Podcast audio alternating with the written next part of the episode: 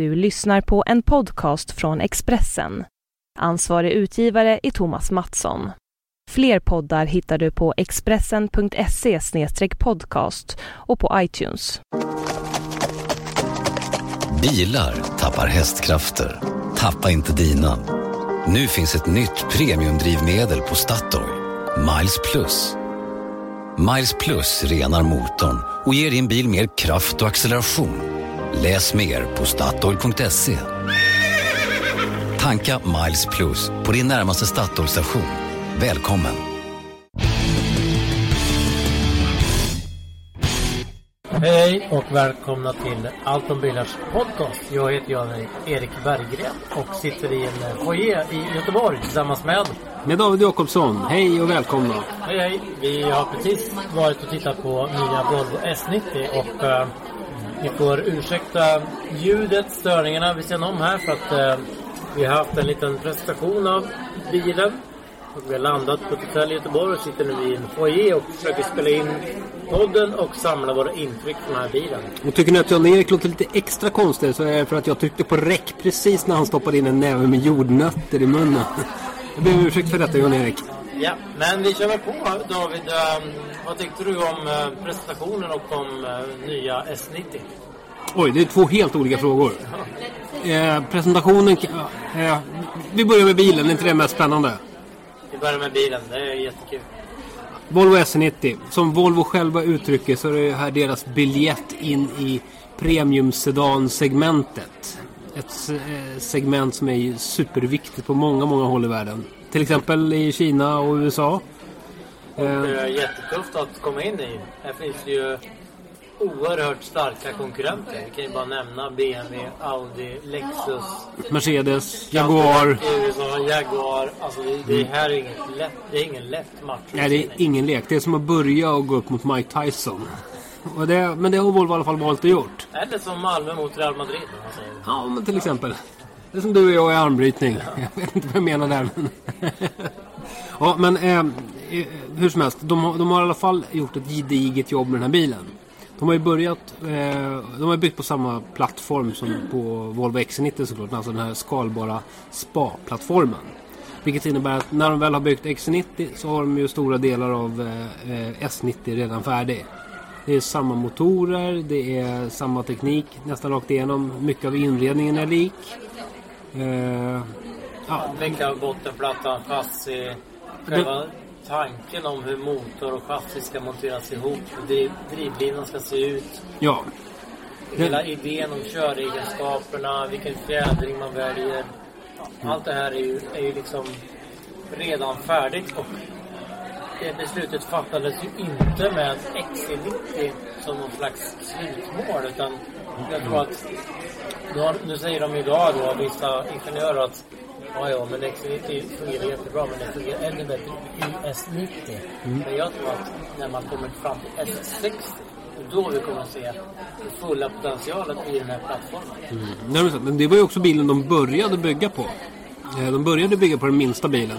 Det var väl du, vem var det som sa det? Att, att nej, det var ju han... Eh, vad heter han? Chassikillen vi pratade om. Stefan Karlsson berättade ju att, eh, att, att de började med S60 beror ju lite på att den här fjädring och hjulupphängningsanordningen som de har i plattformen. Just det. Kräver ju då att det, det tar lite plats men det mm. ger väldigt bra köregenskaper. Och den, den tekniken då betyder att det är väldigt svårt att få in en tvärställd fyrcylindrig motor. Mm. Och då, då började man, man med den minsta bilen. Just det, för det är mycket lättare att skala upp än att skala ner. Precis, och, ja. och allt fick till slut plats. Efter mycket, mycket om och men så fick de plats med det alltihopa i S60. Och uh, Stefan har ju avslöjat att det fanns ju perioder i projektet där, där man sa att det här går inte. Alltså det här är omöjligt. Mm. Och där man fick kämpa och slåss med näbbar och klor för att jo men det ska gå, det måste gå för det här ger bra köregenskaper. Och till slut så fick man det, att fungera. Mm. Och då, då kommer, jag tror ju så här att när vi kommer fram till S60 så kommer vi se den absolut bästa bilen på spa Och den kanske näst bästa är just den här S90. Mm. Och sen XC90 som jag ser ute på vägarna nu är liksom den minst, ja, mest lyckade kompromissen om man säger. För det är en högbyggd bil och den, den liksom fungerar bra men inte riktigt perfekt. Alla SUVar är ju någon slags kompromiss. För att man vill ju ha sin stora bekväma bil som har ändå hyfsade vägegenskaper. Och samtidigt ska den vara sådär hög och härlig. Men S90 är ju ingen... Det det här kommer inte bli någon storsäljare i Sverige men vi såg ju skymten av nya V90 idag. Och vad tycker vi om den? Och Vi vi ser ju liksom fronten. Vi ser första halvan av bilen. Jag tyckte det var så kul att se den här fronten nu live. För att eh, för tre år sedan så var vi, du och jag tillsammans i Genève på bilsalongen. Och tittade på Volvo Coupe Concept. Eller Concept Coupe. Vad de nu kallar den för. Eh, och då satt jag med Thomas Ingelat som är designchefen och eh, vi satt i ett, ett, litet glasrum. Det såg ut som ett akvarium ungefär. Och där stod den här bilen Concept Coupe. Och sen så satt han i perfekt skräddad kostym som satt sådär nästan lite larvigt bra på hans vältrimmade kropp. Och satt han och berättade om olika linjer och filosofier i den här konceptbilen. Så frågade jag just, men hur kommer fronten på nästa eh, sedan? Alltså, vi visste inte då att den skulle heta just S90. Men jag tror att jag frågade hur ser nästa S80 ut? Eh, men då sa han, precis så här kommer det se ut. Och så visade han fronten och berättade lite om fronten. Ja men hur- vad kommer vara skillnaden då? Nej, den kommer se ut så här. Och jag eh, lyssnade väl inte riktigt. Jag förväntade mig ganska stora skillnader. Det Egentligen. brukar ju vara så. Ja. Det brukar ju vara så att man visar en konceptbil och sen får man se väldigt stora likheter i detaljnivån men totalt, totalt så brukar det hända en hel del. Men nu var det fan med precis likadant. Och det de, berätt, det de berättade idag var ju att, att han fick väldigt, väldigt mycket beröm för den konceptbilen. Och det vi har sett de senaste åren är att Volvo har ju visat tre olika konceptbilar. Alla har ju varit någon slags test på hur folk reagerar på den här. Och efter just den bilen du pratar om så fick ju Thomas Ingelat väldigt, väldigt mycket beröm. Inte minst från designkollegor. Och, och det fick honom att bli övertygade om att det här är den här vägen vi ska gå. Det är så här vi ska göra. Och det är det vi ser nu i en produktionsfärdig bil. Ja, jätte, jättespännande. Och jag gillar jag tycker ju att, att eh, Thomas Ingelat som ni förhoppningsvis såg på vår livesändning från Göteborg eller kan se i, i efterhand på vår sajt. Han gjorde ju en fenomenal presentation av den här bilen. Alltså det, allt började med att eh, VD Håkan Samuelsson pratade och sen pratade utvecklingschefen Peter, Peter Mertens och sen kom Ingelat in. Och man bara älskar ju Ingelats liksom, passion för bilen. Hans passion för formerna, designspråket, detaljnivån. Och hur han beskrev bilen. Man, man märker att han älskar den här bilen. Alltså, nu, nu, citerar jag dig, men du uttryckte det som att du blev lite kär Jag honom. lite kär i honom, men det är inte bara för att hans passformer på kostymen är helt perfekt. Men han, alltså man, man, man bara ville tycka om bilen bara han tyckte om den så mycket. Det är Ja. svårt att stå emot en sån passion som han förmedlade från scenen. Ja, nej, men det är härligt. Men det är, väl, det är väl förmodligen en viktig förklaring till att, att det börjar gå så bra för Volvo. För att det är många passionerade människor som jobbar med, med olika saker. Alltså, man möter ju samma passion när det handlar om chassi. Man möter samma passion när det handlar om försäljning. Det, det, det var ju under kvällen här så um, då hade vi en uh, rätt så omfattande mingel faktiskt. Där vi la många timmar på oss att prata med olika personer som jobbat med bilen och uh, många berättade också under själva presentationen där Thomas Ingelat visade upp bilen så satt VD Håkan Samuelsson och bara log åt sin designchef och hans passion. Och, och som någon sa, det här betyder så mycket för företaget Volvo att ja, dels att, man vi, att högsta chefen visar den här uppskattningen för sin designchef och för att, ja, att han visar den här passionen. Liksom, det, det liksom glöder i företaget på ett sätt som det inte riktigt har gjort tidigare. Och eh, som du sa, chassi eller Vehicle Dynamics som heter. Stefan Karlsson var ju gäst i vår livesändning. Och eh, han beskrev, när jag träffade honom för några veckor sedan, beskrev då eh, klimatet i Volvo som att det, det här är ett väldigt tight team. Det är ganska nära mellan beslut och eh, de som genomför sakerna. Det är en väldigt platt organisation. Och uh, utvecklingschefen Mertens beskrev det hela som en liksom, lärande och, och uh, förlåtande or- organisation där han, där han hade haft ingenjörer komma till sig som hade liksom skämts för att de hade misslyckats med sitt uppdrag men han hade pushat dem att Nej, men vi ska lösa det, vi ska fixa det och, och de går tillbaks och ja, löser problemen. Liksom. Så att, eh, nej, men det, det finns en väldigt go i företaget och det smittar av sig tycker jag på, på den här till exempel i sådana här visningar, sådana här tillfällen de kraftsamlar. Liksom. Jag pratade med personer, ett par personer idag också som berättade om hur de har lagt mycket kraft och energi och tid på att visa upp den här bilen nu för människor som jobbar i fabrikerna. De pratade pratar om att ja, men det är viktigt att alla, från de som sitter och eh, bokför fakturor till de som står nere vid banden och bygger grejer, att de ska få se eh, slutprodukten och känna för slutprodukten. Eh, satsar de tydligen rätt mycket på. Det, det är också en sån här, ja men okej men det är, känns självklart men också lite Lite, Ja, lite härligt på något sätt. Ja, att det är liksom lite härligt och lite... um, Alltså jag står här och skrubbar en toalett men jag är ändå liksom en del av Ja. nya Volvo S90. Och det kan man ju göra när man är en, på den nivån kanske. Att man är en relativt liten tillverkare som vill uppåt och man är en ganska platt organisation som de medvetet har satsat på. Liksom. Att, att det, det ska inte vara så långt mellan beslut till utförare utan det ska, det ska rulla på. Men man ser ju också att beslut som man tog 2007, 2008, det är där, det är där de skördar nu. Det är nu man ser att ja, det var väldigt klokt att gå ner till fyrcylindriga motorer. Det var väldigt klokt att lägga batterierna i botten, bottenplattan på bilen. Saker som större tillverkare som Audi, BMW, Mercedes Alltså de har problem att anpassa sig snabbt mot den nya tiden. De, då, ja, som Audi, de delar bottenplatta med Folkvagn. Audi kanske delar med Folkvagn Touareg och, och eh, Porsche Cayenne. Det är inte bara i modell, modellcykeln att skruva om hem, men nu gör vi så här. Liksom. Det tar tid. Ja. Och där, där har ju en liten tillverkare en fördel. Sen får vi ju se då. Alltså Volvo vill ju bli större såklart. De taktar ju nu, eller vill sälja upp mot 500 000 bilar 2015 och 20 800 000 bilar 2020. 800 000 bilar är ju, om vi ska sätta det i ett slags perspektiv, det är ju halva BMW.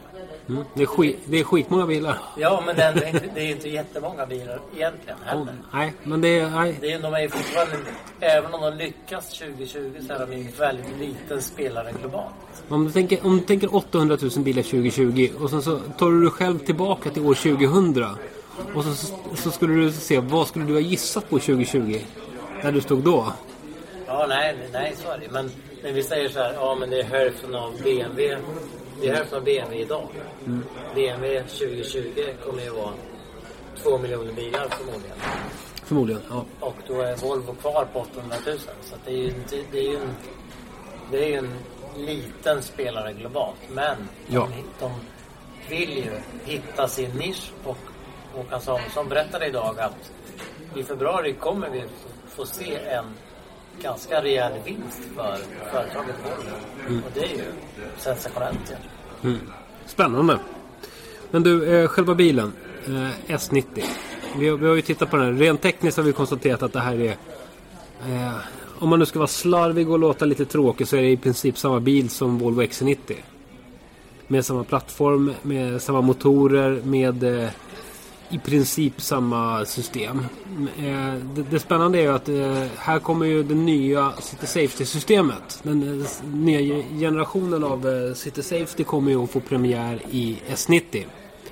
Och då snackar vi om att bilen plötsligt känner igen vilda djur ute i trafiken. Alltså som älgar och hästar och hjortdjur, rådjur. Ja, precis. Det här, vi intervjuade ju en, um, en person som var ansvarig för detta i vår livesändning. Och uh, man kan ju tycka att det här är rätt självklart. Alltså, känner man igen en gångtrafikant så kan man ju se en älg. Men så enkelt var det ju inte. Utan det här är ju då kameror på bilen som ser runt omkring bilen, känner igen olika objekt, identifierar dem och bestämmer vad bilen ska göra. Om den ska bromsa eller inte egentligen. Alltså, Mm.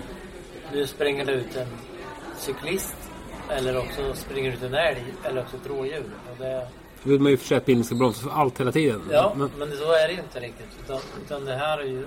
Och i förlängningen i det här sättet att tänka så ligger det här automatiska körningen, alltså att bilen kör sig själv. Mm. Det ligger ju i det här systemet att kameran ska registrera och känna igen omgivningen. Mm. Det är dit man vill. Liksom.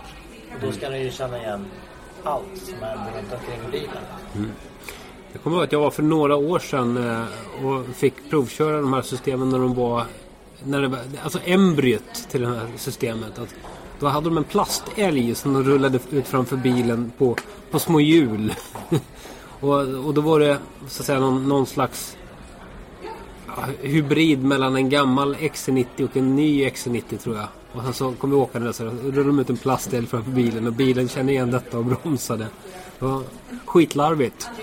Men, men sen dess har de ju varit ute, eh, ute i naturen och varit ute på djurparker och faktiskt filmat en jävla massa älgar. För att liksom systemen ska lära sig känna igen hur en älg ser ut i olika situationer. Det är ganska mycket jobb bakom det här. Ändå. Ja, det är verkligen inte bara. Det är inte bara liksom att skissa upp en älg och sen smacka in det i systemet sen det är klart. Och det, det, det är inte bara, alltså man kan inte bara, ja, ja, men om någonting kommer framför bilen så bromsar Alltså så, så är det inte i verkligheten. Utan, Ja, det finns många situationer när bilen inte ska bromsa. Om det blåser ut en pappkartong framför bilen och du har en lastbil bakom dig. Då vill du inte att din bil ska tvärnita för den här pappkartongen. Ja, Spännande. Men en, en annan sak. vi har ju haft, eh, vi har, vi har ju kört en V60 som långtransportbil. Och det hade ju en slags varning om någonting hände framför bilen. Och det var ju ganska irriterande när den bilen varnade plötsligt när man låg på omkörning på en långtradare, motorväg, tvåfilig väg och man kör om en långtradare och, och plötsligt så bara tog varnar bilen i, vin- i vindrutan att nu, nu måste du tog, bromsa här. Ja, Det här är ju system som Ja, det, det, det, ju, det måste bara fungera. Ja, men det som händer i det läget om man har ett system som varnar på fel ställe. Det är att man stänger av systemet. Och då är systemet plötsligt helt värdelöst. Jag vet själv att den där långtransportbilen, jag sket ju knäck hur många som helst att den varnade och larmade hade sig. Men så ska jag säga om, om City Safety att jag har ju faktiskt vid två tillfällen varit med om att det faktiskt har räddat mig lite. Jag har väl säkert berättat om det på podden förut men det... Eh, en gång var det vi plåtade lite bilar och en kollega bromsade lite mycket framför. Då stannade bilen. Och en annan gång var jag ute i en korsning med... Det var en nya S60 Cross Country. Och så helt utan anledning så bromsade bilen framför mig. Panikbromsade. Och jag hann inte ens flytta foten från gasen till bromsen. Men bilen bromsade snällt och fint. Så det, ja. Att, att, att eh, se till att de här systemen inte irriterar så att man stänger av dem är, är ändå värdefullt. Ja, verkligen. De visade ett nytt system idag också som heter Pilot Assist. Mm. Ja, det är ju ett utvecklat system. Ja, ja precis. Det, det funkar idag upp, eller nu då, nu i S90 upp till 130 km i timmen. Jämfört med, vad är det, 50? Upp, upp, till, upp till 50 i XC90. Ja.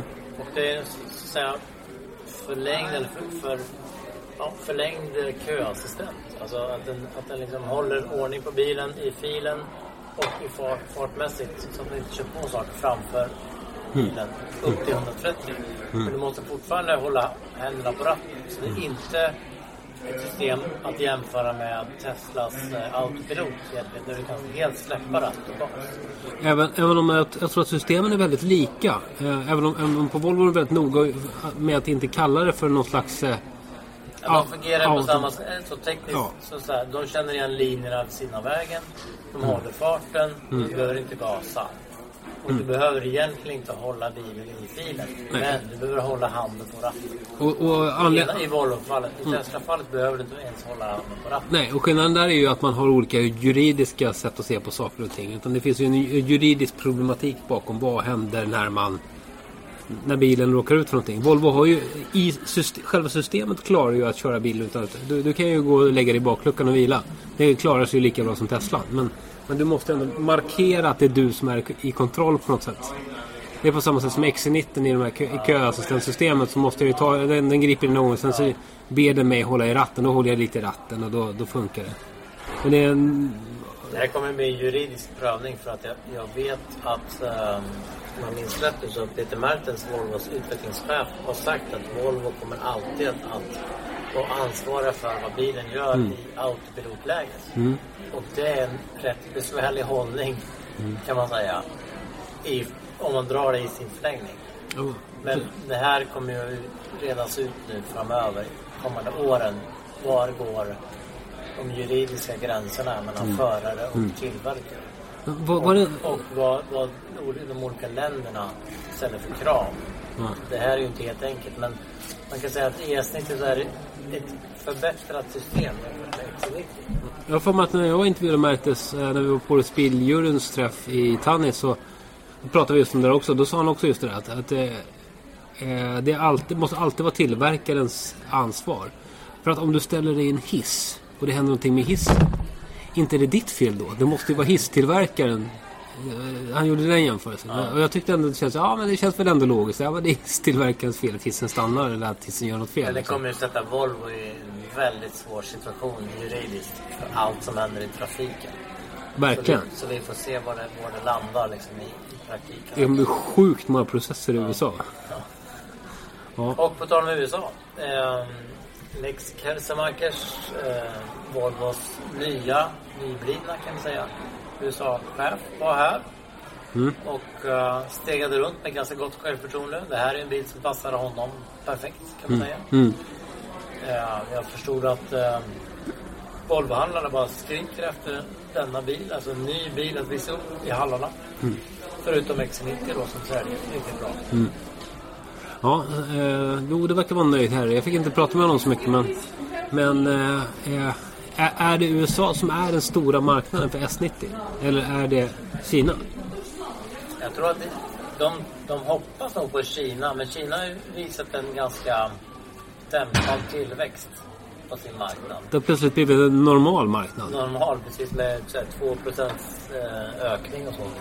Och jag undrar jag om baksätet är tillräckligt exklusivt för att verkligen lyckas i Kina. Jag tror att här behöver nog Volvo tänka till, erbjuda mer än vad de visar idag på de bilarna som vi såg. Men, men det kan ju finnas tillägg som, som vi inte har sett än. Men jag tror att det kommer att krävas mer av justering av ja, stolarna i baksätet. Det kommer att krävas att man kan justera klimatanläggningen. Det kommer att krävas att man kan fixa ljudet i baksätet.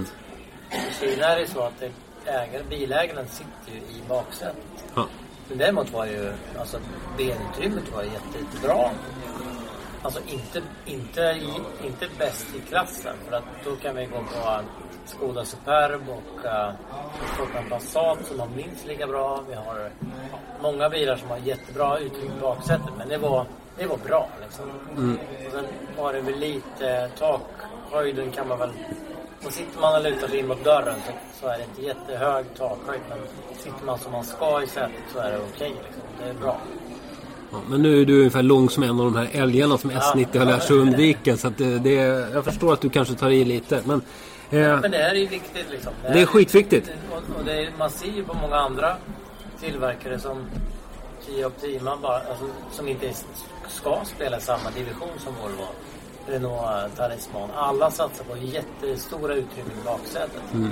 Och Volvo har ändå dragit isär hjulbasen. De har, de har ju ett stort innerutrymme totalt sett. Mm. Och sen och taklinjen gör ju att det är, inte, det är inte svårt att komma in i baksätet men det är inte heller lätt. Alltså det, det kräver ju att man viker ner sig lite grann.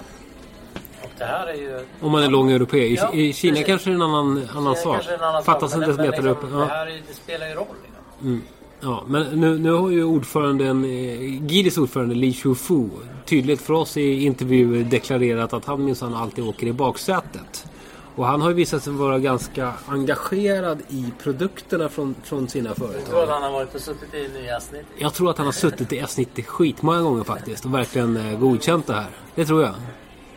Ja. Eh, han, ja, men, men alltså jag ger dig rätt i det här. Det, bilen känns skitlyxig. Man har tillgång till alla möjliga funktioner med eh, man kan koppla in sin Apple-telefon och sin Android-telefon och allting finns där framme. Lätt och överskådligt och mysigt sådär. Men i bak så är man ju ganska bortkopplad från, från själva bilen. jämför med 7-serien som vi nyligen testade i, eh, i Ja, du, du har en liten läsplatta som du tar upp där och fixar och det är donar. en helt annan mm. miljö. Du har en mittkonsol i bak. Säte, alltså, okej, det är en annan... Det är kanske en annan prisklass också. Ja, men det ska fattas ett par hundratusen på pris- jag ska inte säkert. jämföra, Men, Nej. men samtidigt som i, det kanske är motsvarande en S100 från Volvo småningom. Liksom. Ja. Men du kanske kan jämföra den med, med 5-serien istället? Eller? Är det någonstans mitt emellan bilen? Ja, nej, det är nog mittemellan. Men, Prismässigt lär den ju hamna någonstans kring eh, 5-serien. men du, när vi pratade här för en stund sedan så undrade du så här, var det, är det här rätt ordning? Alltså, efter XC90 som var ganska logisk för att det är en jättes, jättestor eft- efterfrågan på SUVar. Mm. Och det, och det var liksom det naturliga steget att ta Mm. när Volvo skulle börja sin resa liksom, på, på nya Volvo. Ja. Det var liksom att markera vissa in revir om man säger. Alltså Ja. med XC90. Men var det här... Du hade liksom lite funderat på, var det här verkligen nästa steg? Var det det naturliga nästa steget? Nu är ju inte jag någon sån här eh, bilstrateg? företagsanalytiker eller sådär. Utan det, det, det är bara kul att tänka på på hobbynivå tycker jag. Men, men eh, jag bara tänker så här att om, om jag... Om man jämför, vad ska vi jämföra med? Boxning. Om jag, om jag skulle säga att nu ska jag börja boxas så ska jag ge mig upp och nu ska jag verkligen ta det här på allvar och börja träna med boxning på en gång. Då skulle inte jag direkt ge mig in i den absolut tuffaste fighten från början. Och vil- vilket den här sedan... Det här sedansegmentet är. Alltså, Nu ska vi inte gå på det, demoner. det, det är liksom The Mauler eller Mike Tyson på en gång, du vet. Så, och det, det är en tuff match att börja med. Jag, jag hade nog valt att lägga mig på en lite lägre nivå. Sådär, kanske en S60-nivå. Så, vad finns det för boxare i S60-nivå? Jag vet inte, men... Nej, jag vet inte. Jag bara, bara tycker att det känns som ett oerhört stort kliv att ta. Alltså, å ena sidan, det vittnar om ett oerhört självförtroende. Att, men nu ger vi oss direkt upp i stora kampen och pissar in vårt revir. Vi är en riktig premiumtillverkare. Pang, det här är vår premiumsub. Pang, det här är vår premiumsedan. Och sen så arbetar man sig neråt i modellprogrammet. Men... Eh, Alltså det finns ju... Det finns ju en V60 klar. ja, Egentligen. precis. När, när vi säger så, här, så är det ju inte så att de inte skulle ha kunnat göra V60 istället. Det är klart de hade kunnat. Det är det vi, pra- det är det vi pratar om. De börjar ju med den lilla bilen för att det är lättare och sen så kan de skala upp det hela på den här skalbara plattformen De SPA. hade ju också kunnat göra en XC60 som också är klar. Ja. I princip. Mm. Den är ju färdig. Jag har ju sett bilen. Liksom. Den är ju färdig till sitt yttre. Så det är klart att de hade i, istället för en S90 kunnat visa en XC60. Mm. Om de hade velat för fem år sedan, fyra år sedan. Och ehm, Om ni nu hör en skarp ton så har ni inte tinnitus utan det är någonting som händer här det på hotellet. Det, det är någon uh, vik, vikdörr som går. Men eh, sen, och alla de här bilarna som vi pratar om nu är ju då på samma plattform. Sen Ja. att, att göra den nya plattformen, den håller på att utvecklas. Så det är ju en, det är ju en annan sak. Liksom. Mm. Nya V40, S40, XC40. Ja men det är en helt ny sak. Och det, då är Men nya en, en liksom- halv liters motorn och... Ja. Vad hade man valt, om man fått välja idag, hade man valt att göra en S90, en V90, en S60, XC60 eller en V60? Och alla de bilarna var egentligen på samma nivå. Och är på samma nivå utvecklingsmässigt. Alltså det, de, de kommer ju att visa en V90 före sommaren. De kommer att eh, snart visa XC60, absolut. Liksom. Kanske redan om ett år. Sen finns det en sak som talar emot att XC60 ska bytas ut så snart som möjligt. Det är att den plötsligt av någon anledning börjar sälja väldigt bra. Den gamla XC60 alltså. Den var ju, vad sa vi, trea i Sverige. I den senaste försäljningsstatistiken. När Volvo tittar på år för år försäljning på den bilen så är det ju så här mot alla mot, mot alla prognoser. Alltså den ökar, ökar, ökar, ökar för varje år. Mm. Och det är ju helt mot allt liksom. De brukar liksom säga lagom första året, mycket andra året, lite mindre tredje året och sen takta ner och så är det mindre och mindre och mindre. Men X6 är bara så här mer och mer och mer för varje år. Så Ja. det är klart att det, den ska man kanske inte byta ut. Men Ja, men det tar säkert emot lite att göra den investeringen för tidigt. Ja. Men, men det är ju en, och det är en, det är en slags kritik, eller man ska säga, att, att de, ja, de kanske skulle visat S90 V90 samtidigt. Kanske. För att vara aggressiva. De kanske skulle våga, vilket de vittnade om idag vid mitt middagsbord, att de kanske skulle våga ha ökat produktionstakten ännu mer. De kanske går ju skulle... på treskift i Göteborg. De, de kör ju så fort de går. fort det går. De, de bygger så jävla många bilar som de bara kan. Men ändå går in i en bilhall idag och vill köpa en X90. Ja men det är ju leverans. Det är ju leveranstid liksom. Det är inte, det är inte helt lätt. De kanske skulle våga profilera sig själva som ett kombimärke runt om i världen till och med. Börja med kombibilarna. Börja med V90, börja med V60. Vad skulle hända då? Ja, nej men det, det, De har ju gått en traditionell väg. Kan man Ja. säga. De har ju gått liksom X90, S90. Alltså det, det är väldigt traditionellt, väldigt så här, logiskt steg för steg. Så de har inte visat så mycket av det de har sagt. De ska våga, våga, våga vara annorlunda och så. Utan det är ju väldigt traditionellt. Nu, nu sitter vi samtidigt här och låter, låter väldigt kritiska. De har ju vågat väldigt mycket. Att beslutet eh, som de fattade om att eh, den, med den här spa-plattformen som de fattade om det. Det måste ju vara 7-8 år sedan. Sex, Ja, 2007, 2008 någon gång. ja, nej, det var ju ett modigt beslut att ta. Det var ett modigt beslut att ta. Eh, eh, att alltså skulle bygga den X90 på det sättet och bygga den S90 på det här sättet. Alltså, de, har, de har visat mod. Men de kan, ja, ja, det- det- jag, har ju, jag har ju till och med skrivit att de har visat mod. Men, men det är klart att man, man kan ju... Som, som de också... Eh, några representanter för Volvo sa idag vid middagsbordet är att Ja, men det, det kanske hade gått att våga lite mer. Det kanske hade gått att våga tro på produkten lite mer. De berättade till exempel att, att det är som kö på XC90 nu i Sverige är bland annat därför att fler väljer en viss utrustningsnivå. Så då, kan man då, då har man liksom inte riktigt förberett med underleverantörerna på att leverera skinnklädsel i den takt som kunderna vill ha den. Och då, blir då får du vänta en månad extra. Och då, alltså, så här, ja, men då kanske det, om, de, om de hade vågat tro på produkten. Men jag förstår att det är så. Men, men samtidigt, samtidigt så är det så här, det är, det är jävligt lätt att, när man sitter med facit i bagageluckan och veta sådär.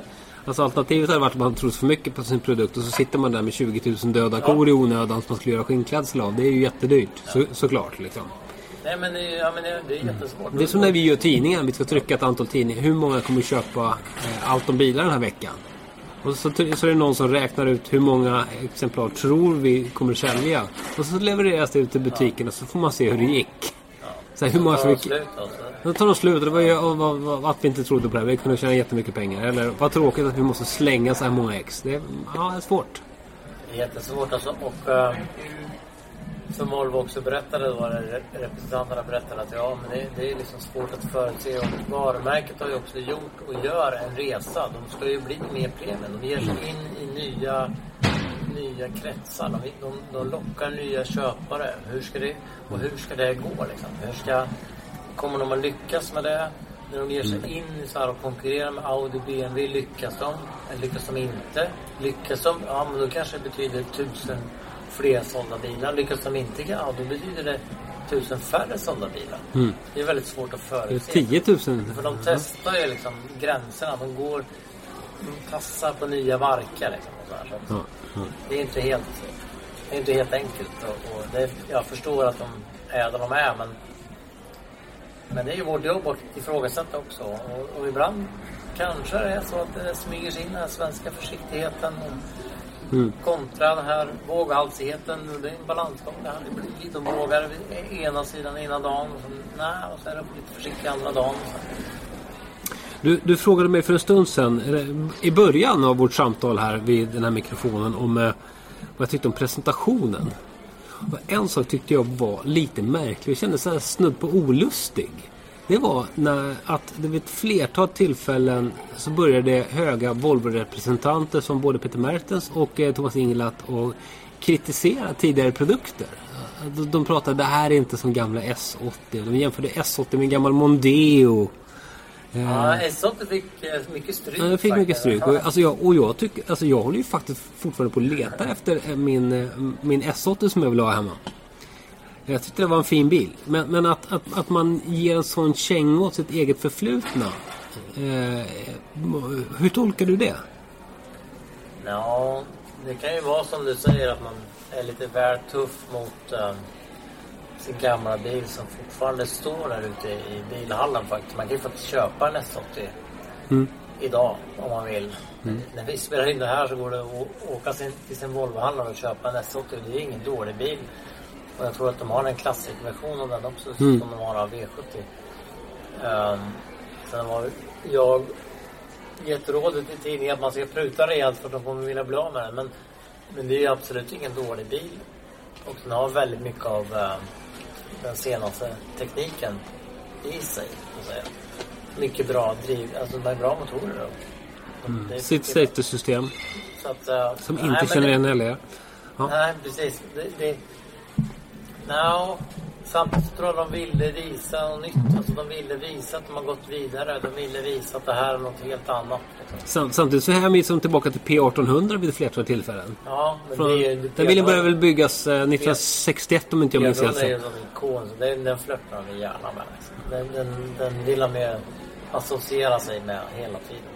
Men, men blir inte, Men- blir, men blir det inte lite dålig smak någonstans när man så väljer ut delar av sin egen historia som man vill highlighta och delar av sin egen historia som man vill, vill utplåna? Men det är också, det, det också kan vara svårt att visa när man som de gjorde nu med att hjul, hjulens placering och, och eh, så här, hyttens, hyttens placering på bilen. Om man vill visa det så visuellt som de ändå gjorde. Lyckades bra med. Vad ska de ut? Ska de ta en annan bil då? Alltså, ska de ha en annan modell? Det är svårt att göra. Men nej, jag håller med om att det var väldigt, eh, det var en väldigt känga, så här, tydlig signal om att S80 är ute ur bilden helt och hållet. Är det, Den, som sagt, den säljs fortfarande. är det, är det helt, helt enkelt eh, alltså deras eh, connection med Ford som man, som man är ute, Ja, efter, ute efter att såga ner? Gjorde någon referens till Mondeo va? Ja, men han sa det. Alltså, gamla det är ingen gammal Mondeo. Nej, det här är ingen gammal Mondeo liksom. Sen fick vi ju omedelbara associationer på, på sociala medier på bilen att den var lik en Sirocco. Ja. Nej, jag, jag Scorpio. Scorpio, alltså, Scorpio. Ja. En Ford Scorpio. Sedanversionen av Ford Scorpio. Jag fick faktiskt två stycken mejlade ganska omgående. Så det kanske finns en Ford-koppling där trots allt. Ja. Det, det här vill inte Ingela höra. Så vi tar det lite försiktigt och viskar om det. Man vill inte höra att den är lik lik en Scorpio. Men vi kanske ska ta det där med designen på en gång då. För att, för att eh, om vi börjar den negativa änden då. Att det, jag tycker att det finns någonting av, av eh, gamla Ford Scorpio. eh, Från eh, 95 och framåt. Eller från 94 framåt var det den? Gamla så. Nej men du menar bak? Ja, bak, bakdelen av bilen. Du stör dig mycket på baken. Ja, Bakluckan och uh, ljus, bakljusen och hela Det eh, jag, jag hittar ingen harmoni bak på bilen. Utan, utan eh, som, som de här läsarna skrev att ja, men det ser ut som en Scorpio på. Någon skrev också att det ser ut som en, en stor eh, Renault-sedan som aldrig kom i produktion. Ja, men någonting som inte är harmoniskt i bakänden på bilen tycker jag. De har jobbat... Ingela visade också bilder på svindyra segelbåtar och skit som... Det var liksom otroligt Yacht. ren... Yacht. Ja men, ja, men tänk, dig en yacht på 25 miljoner euro. Liksom den typen av båtar. Och sen så... Det var bara rena linjer. Det var, hände inget konstigt. Det var bara... The simplicity of perfection. Och sen så ser man den här bakänden på den här bilen som består av ett... Ett antal linjer som ska markera olika saker hela vägen ner. De har ju försökt dölja en massa konstigheter i massa yta med massa linjer. Ja. Så bakluckan. Och sen så sprider... pratar inte så mycket om baken. Alltså den, den stökar han undan rätt snabbt. Ja, jag tror, jag tror det. Han är, Och det var kan, meningen liksom. Han kanske inte är helt nöjd med den själv heller. nej, jag tror inte heller det. För man kan inte vara nöjd med den. För det, är- den är ful. Den är skitful. Eh, men det har Men vi inte... var ju överens om att de var snyggare än Audi. Ja, men ja, då pratar du om Audi A7. Det är väl den enda Audi som den är snyggare. För Audi A7 ser ut som den har smält där bak. Man parkerar bilen i solen och den börjar liksom rinna ihop där bak. Men, men i, Ja, i, BMWn är snyggare. alla BMW är snyggare bak än den här bilen. Till och med 1-serien. Alla, alla BMW. Men sen så tittar vi på, om vi liksom vänder på bilen lite. Vi snurrar den eh, bara några grader så blir den plötsligt skitläcker. Eh, profilen är ju otroligt eh, smäcker. Alltså det är en väldigt stor bil. Den är ju, det fattas bara några centimeter för att den ska vara fem meter lång. Men den ser fortfarande liksom ganska lätt ut på något sätt. Den är alltså till och med längre än uh, XC90. Längre än alltså XC90. Eh, den ser smäcker och lätt ut och det löper en fin linje från absoluta spetsen på framkanten till absoluta spetsen på bakkanten. Som en fin jämn linje som löper och liksom binder ihop det hela. Eh, och sen har vi, har vi den där fronten som vi redan pratat om som, som Inglat satt och, och spände sig över på Genèvesalongen där. Att den är ju fantastisk. Men så... Ja, jättesnygg och grillen som är då från P1800. Ja. Nästan del rakt av exakt kopia. Ja, En konkav eh, sak där. Ja, jo. Det är ju jättesnyggt. Men så är den där jävla häcken. Alltså, motorhuven är jättesnygg. Ja, jättefin. hela, hela justeringen av eh, kupén bakåt i bilen. Hjulen åt varsitt håll. Mm. Nej, men jag kan hålla med om, om bak, rakt bakifrån. Och Man, man ska ha bilen i backspegeln helt enkelt. Ja, jag brukar, jag brukar ha en egen tävling ute och köra på motorväg faktiskt i mörker. Tävling i mörker. Ja, det jag låter bra. liksom försöka känna igen bilar bakifrån. Ja, Se liksom det är skitlätt. ansiktet bakifrån. Men det blir ju lättare och lättare. När man kommer fast här, är det en sån, en sån, en sån. Mm. Det, är, det, är, det, är ju, det är ju kul och han pratar mycket om an, ansiktsuttrycket framifrån. Mm, han jämför- Grillen och uh, lamporna. Han jämförde med ett lejon. Ja, Han hade en liten, eller en liten, en skitstor bild på ett lejon som stod bredvid. Han pratade om, eh, om, eh, om, om alltihopa. Men så här, och frågade, men är den verkligen aggressiv? Så hade kommit en bild på ett lejon. Det var vad var, speciellt. vad, vad var det andra för djur då? Var det en... Uh, jag menar, han drog in en liknelse om att andra försöker vara aggressiva utan att vara respektingivande. Och då, la, då gav han ju ett djur som en... Var det en grävling eller vad var det? En bäver kanske? Bäver med sådana tänder som var så aggressiv men inte respektingivande. Och som var det då kontra lejonet som skulle utstråla Respekt. och Mm. eh, alltså en, en sån inre aggressivitet Mm. som fanns där och bara ja, den, liksom lek inte med mig för att om du bråkar då är jag aggressiv men jag är inte aggressiv liksom, i grundutförandet. Nej, nej, precis. Ja, nej. Men om det var grävlingen eller, eller eh, vad det nu var. Nej, det var en bäver kanske. Som var så här kaxigt, nervös, aggressiv som ingen respekterar. Liksom. nej, nej. Många andra tillverkare ville, ville liksom vara, vara då bäver. Men det, det här sättet att uttrycka sig är ju väldigt typiskt från Kina. När man pratar om hur en bildesign är. Alltså när, när jag var i fabriken i Chengdu och tittade på Volvo-bilar så då ritade de ju upp liksom bilder av nallebjörnar och jämförde med Volvo XC60 till exempel. Så här, an, ansiktet från, från en vänlig nallebjörn la de bredvid XC60. Det var så här Kina. Så, ja, men, så här ser man på en bil i Kina. Ja men det är en glad nallebjörn som kommer. Så, ja, okej. Och här är en ilsken bäver eller en lugn, ett lugnt lejon. Ja, Ja, men det, det, det, skulle vara intressant att höra presentationen av bilen i Kina också. Hur man, om, om det är lejonen man går på eller vi hade inte fattat ändå för de pratar kinesiska. hur, hur man säljer in den här modellen i. Det ska ju inte, vad vi vet, inte tillverkas här rakt av i Kina än. Men det är klart, den kommer dit Ja, det är klart den gör. Den kommer säkert till nya fabriken i, eh, i USA. South Carolina. South Carolina som har eh, gett Volvo ganska bra förutsättningar för att bygga fabriken där i Charleston. Inte det? Ganska nära Charleston. Ja. Eh, ja, men det här blir ju kul att se hur den här tas emot. Eh, Men då för svensk räkning så är det ju absolut mest spännande att nu har vi ju faktiskt fått se i princip allting av nya Volvo V90. Bilen som ersätter V70. Ja, och vi kan väl avslöja här som första, första av, absolut första avslöjande av V90 att eh, den ser ju till den främre hälften ut exakt som S90. Eh, taklinjen ändras ju en del såklart. Eh, inte jätte, jättemycket. Man kan tänka sig att man ritar upp, drar upp liksom bakänden lite grann. Man kan tänka sig att ditt insteg där i bakdörren blir lite bättre. Precis. På grund av en högre taklinje. Och jag kan ju säga så här mycket att jag vet att det fanns en version med ett helt rakt tak. Alltså den gick rakt bakåt. till att börja med. Men den bilen var mer alltså gjord som en slags eh, ja, färdig testbil. Men när man såg att det här kommer nog inte se riktigt bra ut. Den här kommer att se för stor ut, den kommer att se för lång ut. Mm. Och då ändrade man och drog ner taklinan. Alltså gjorde lite mer lutning på, på taket bakåt. Mm. Och uh, den, den bil, bil som jag har sett bild på ser riktigt bra ut. Även om jag tycker att uh, S90 är ju snyggare. Det, det är jag, än så länge, innan jag sett den i verkligheten, kan jag inte säga att det här är en bil som blir snyggare som kombi. Vilket många blir. Tycker du?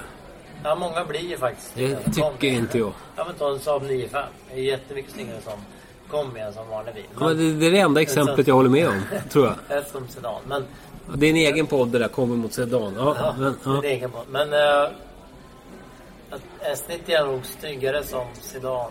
Alltså S90 är snyggare än V90. Men jag Ja, nej, men jag har inte sett den rakt bakifrån. Jag har bara sett den från sidan. Mm. Så vi ska återkomma till hur den funkar som kombi. Mm. Jättekul. Det kommer bli nästa gång som vi gör en sån här lång specialpodd med en enda bil.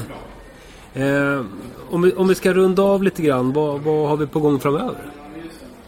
Händer det någonting? Eh, nästa vecka är det väl eh, en testkörning av Fords intelligenta fyrhjulsdriftsystem. Mm. Och uh, redan på fredag ska du ut och köra ett riktigt monster. Just det. Mercedes. G500 4 gånger 4 Ja, det blir, det blir, blir en, en eh, tuff dag på jobbet. På en, eh, som vi har förstått, väldigt extrem terrängbana mm. i närheten av Stockholm. Mm, roligt. Du får ta på dig gummistövlar eller terrängskor eller vad du har. Vet du vad jag ska göra fram till dess då? Aha. Vet du vad jag har hemma i testgaraget? Ja, du har ju, kör ju Audi R8. Audi R8 V10 med 610 hästkrafter. Den ska jag försöka göra någon slags eh, film på har jag tänkt mig. Lite TV. Du kanske blir inblandad i detta. Då får vi uh, se om du har terrängskorna på den. Kör den här Audin till, till uh, terrängkörningen av eller, eller, eller om jag kommer i racingstället. Vi, ja. Spännande. Ja, vi eh, tackar för idag. Vi rundar av ifrån eh, ett Göteborg där det har faktiskt slutat att regna. Härligt. Och eh, så då. Tack för visat intresse och vill ni veta mer om Volvo S90 så ska det finnas bilder, filmer, tyckande, betyg på vår sajt. Alltombilar.se Och vi hörs av nästa vecka. Ha det bra. Hej hej. Bilar tappar hästkrafter. Tappa inte dina. Nu finns ett nytt premiumdrivmedel på Statoil. Miles Plus. Miles Plus renar motorn och ger din bil mer kraft och acceleration. Läs mer på Statoil.se. Tanka Miles Plus på din närmaste Statoil-station. Välkommen!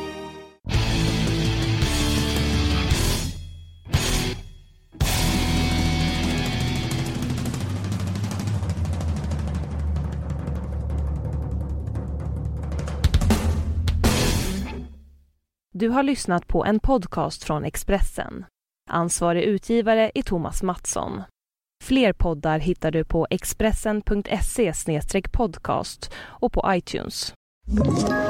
Ett poddtips från Podplay. I podden Något Kaiko garanterar östgötarna Brutti och jag, Davva, dig en stor dos skratt. Där följer jag pladask för köttätandet igen. Man är lite som en jävla vampyr. Man har fått lite blodsmak och då måste man ha mer. Udda spaningar, fängslande anekdoter och en och annan arg rant. Jag måste ha mitt kaffe på morgonen för annars är jag ingen trevlig människa. Då är du ingen trevlig människa, punkt. Något kajko, hör du på podplay. Därför är gardinerna.